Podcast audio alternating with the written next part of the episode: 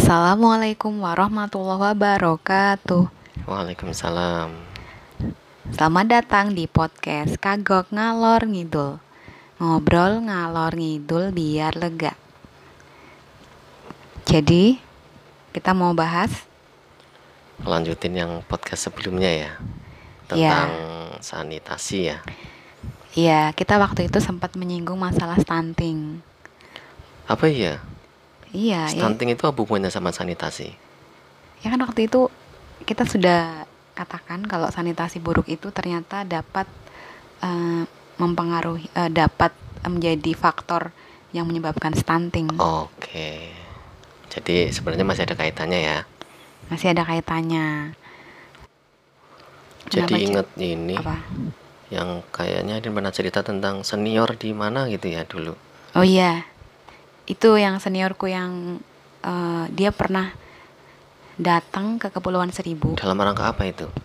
Jadi di kantorku itu ada program Kemenq mengajar. Jadi kayak Oh, Indonesia oke. mengajar gitu.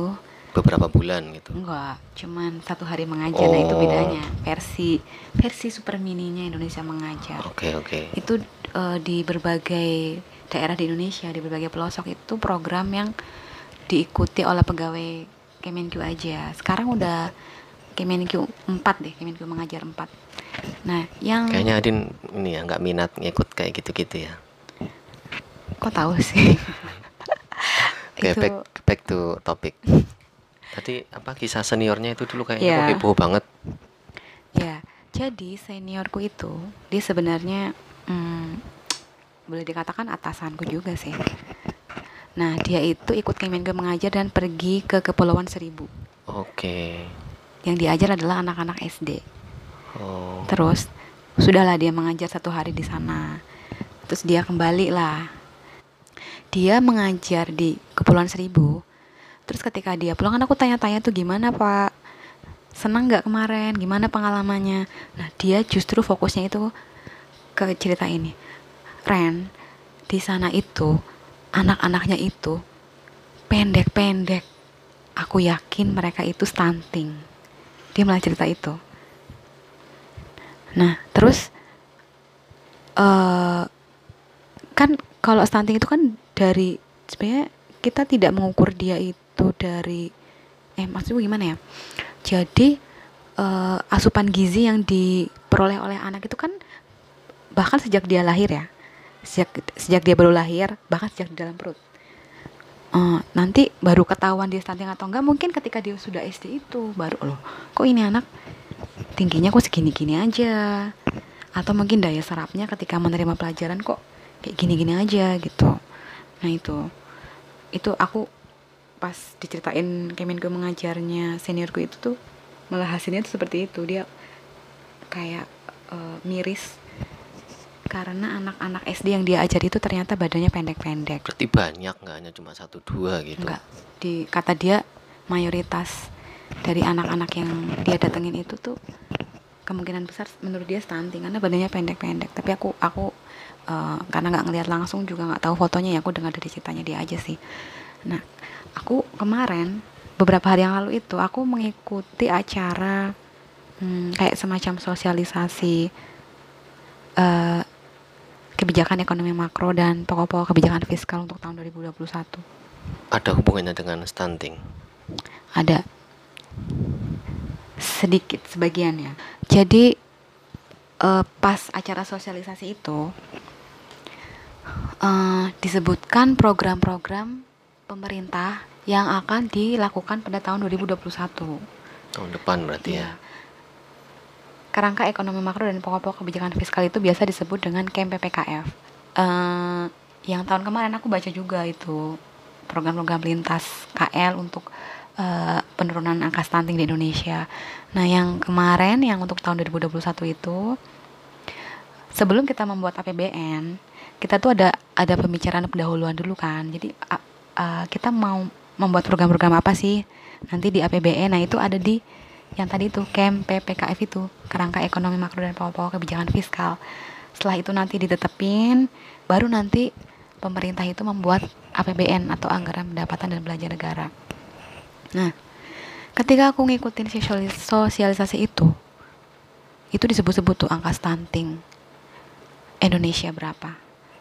Waktu itu narasumbernya itu dari orang Badan Kebijakan Fiskal atau BKF dia bilang angka stunting di Indonesia itu di atas 30% sementara di Malaysia coba tebak berapa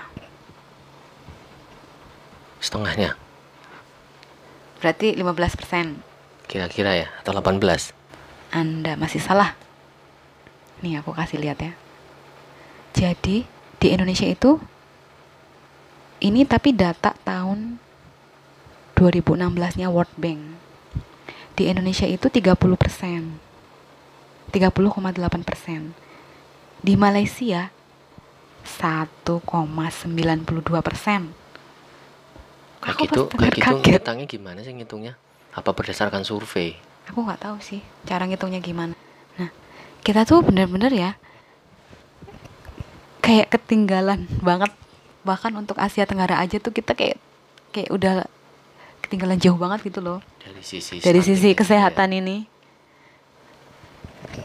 Eh, Vietnam itu aja cuma 2,68 persen. Singapura 2 persen. Thailand juga sekitar 2 persen. Nah itu tuh kita 30 persen. Apa yang terjadi? Nah kalau dari yang penjelasan di sosialisasi camp PPKF itu tadi itu eh, mereka itu akan membuat program reformasi kesehatan. Berarti tadi kalau Kemenkes aja sudah agak fokus ke situ berarti mereka ada dananya. sebenarnya nggak cuma Kemenkes sih anggaran berarti. Iya itu itu tuh stunting itu program lintas kementerian. Nah Hmm. kalau untuk berarti Kemenkes selain sendiri, Kemenkes apa ini?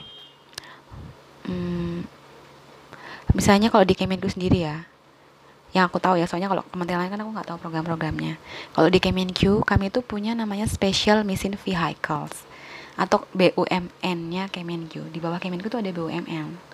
Nah ada eh, satu BUMN dia tuh membuat eh, dia dia berkecimpung di pembangunan infrastruktur. Hubungannya sama stunting Nah, apa? salah satu hal yang jadi fokusnya mereka adalah pembangunan infrastruktur untuk sanitasi. Oh, sanitasi. Iya. Oke. Itu uh, namanya PT SMI. Kalau kementerian lain banyak sih yang terlibat, termasuk Kementerian Pendidikan juga. Jadi kayak anak di sekolah nanti ada program pemberian gizi gitu. Hmm. Nah, yang lain-lain ada banyak lah. Terus, eh, ya, tapi ada ada hal lagi ini yang menarik nih. Ternyata untuk belanja kesehatan pemerintah Malaysia itu memang tinggi banget ya. Alokasi dananya Belanja, tinggi. iya ternyata belanja kesehatan pemerintah Malaysia itu itu 20% PDB-nya mereka, Ba- produk domestik brutonya mereka. Sementara Iya. kalau kita coba berapa tebak? Sebentar 20% kalau kemarin yang viral kan 20% itu buat pendidikan ya. Oh, itu beda lagi. Kalau yang kita itu 20% pendidikan itu 20%-nya APBN. Oh, Nah, kalau yang ini tuh PDB, produk domestik bruto. PDB itu lebih luas lagi. Jadi kayak menghitung pendapatan nasional, kita menghitung eh, konsumsi, eh, pengeluaran pemerintah, CIG apa ya? Kita menghitung konsumsi, investasi, konsumsi ditambah investasi ditambah pengeluaran pemerintah ditambah ekspor dikurangi impor. Nah, nah kalau kalau Malaysia pengeluaran 20% pemerintah- dari itu. Iya. Memang PDB-nya Malaysia itu secara total itu lebih rendah di daripada kita karena Hmm. jumlah penduduknya juga jauh. Iya. Nah, tapi kan kita membandingkannya kan dari presentasinya kan. Nah, itu belanja kesehatannya mereka tuh 20% PDB-nya mereka.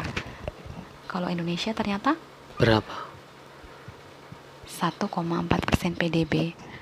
Itu nilainya itu kalau di APBN memang ang- alokasi anggaran kesehatan itu 5% udah udah dipatok sih kayak anggaran pendidikan itu 20%, kesehatan itu 5%. Tapi ternyata ya jadinya kayak gini-gini. Ya, kembali lagi sih karena APBN kita memang punya keterbatasan sih. Terlalu banyak program yang harus kita beri perhatian juga.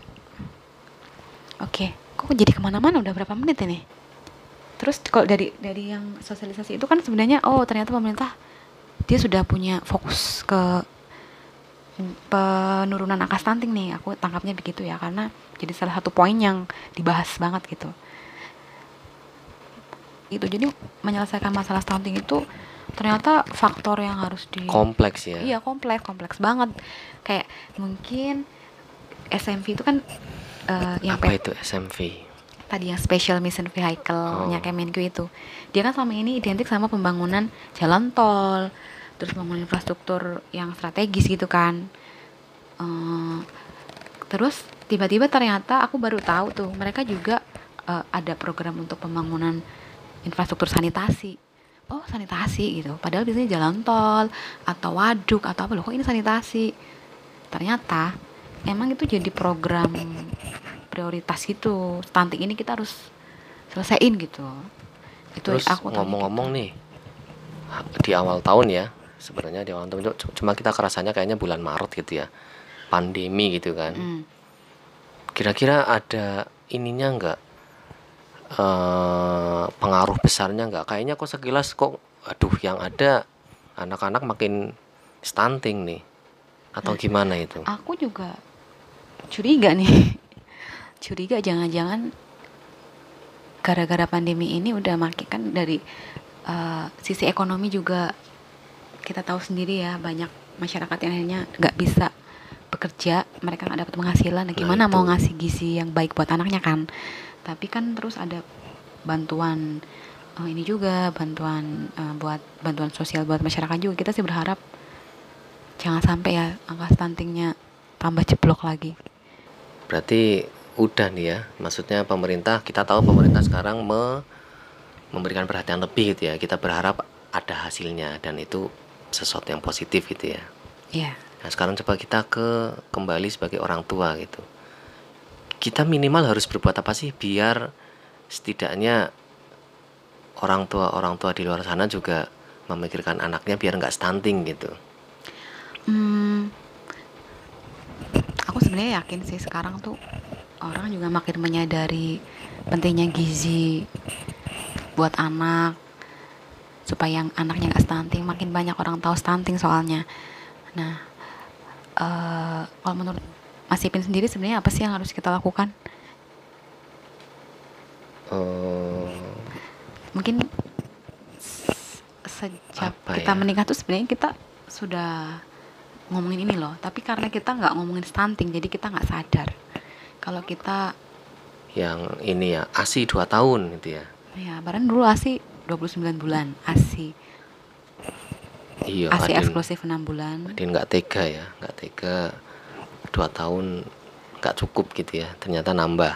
sebenarnya tuh bukan aku nggak tega juga tapi aku juga nggak nggak semudah itu sanggup untuk ini nggak ngasih asi ternyata Ah, itu bahasanya beda lagi ya ternyata itu berat lah pokoknya untuk Berarti- menyapih anak Berarti sebenarnya dari dari sebelum anak lahir bahkan ya, lahir terus merojol ASI gitu ya. Maksudnya walaupun nggak membahas tentang stunting tapi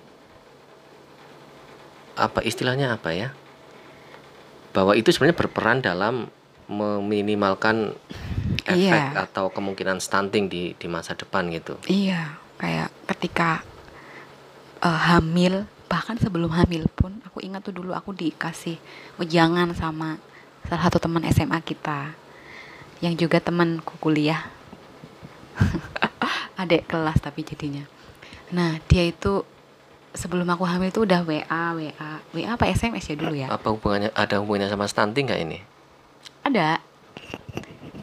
Jadi dia sebelum sebelum kamu hamil Ren, kamu harus menyiapkan dirimu.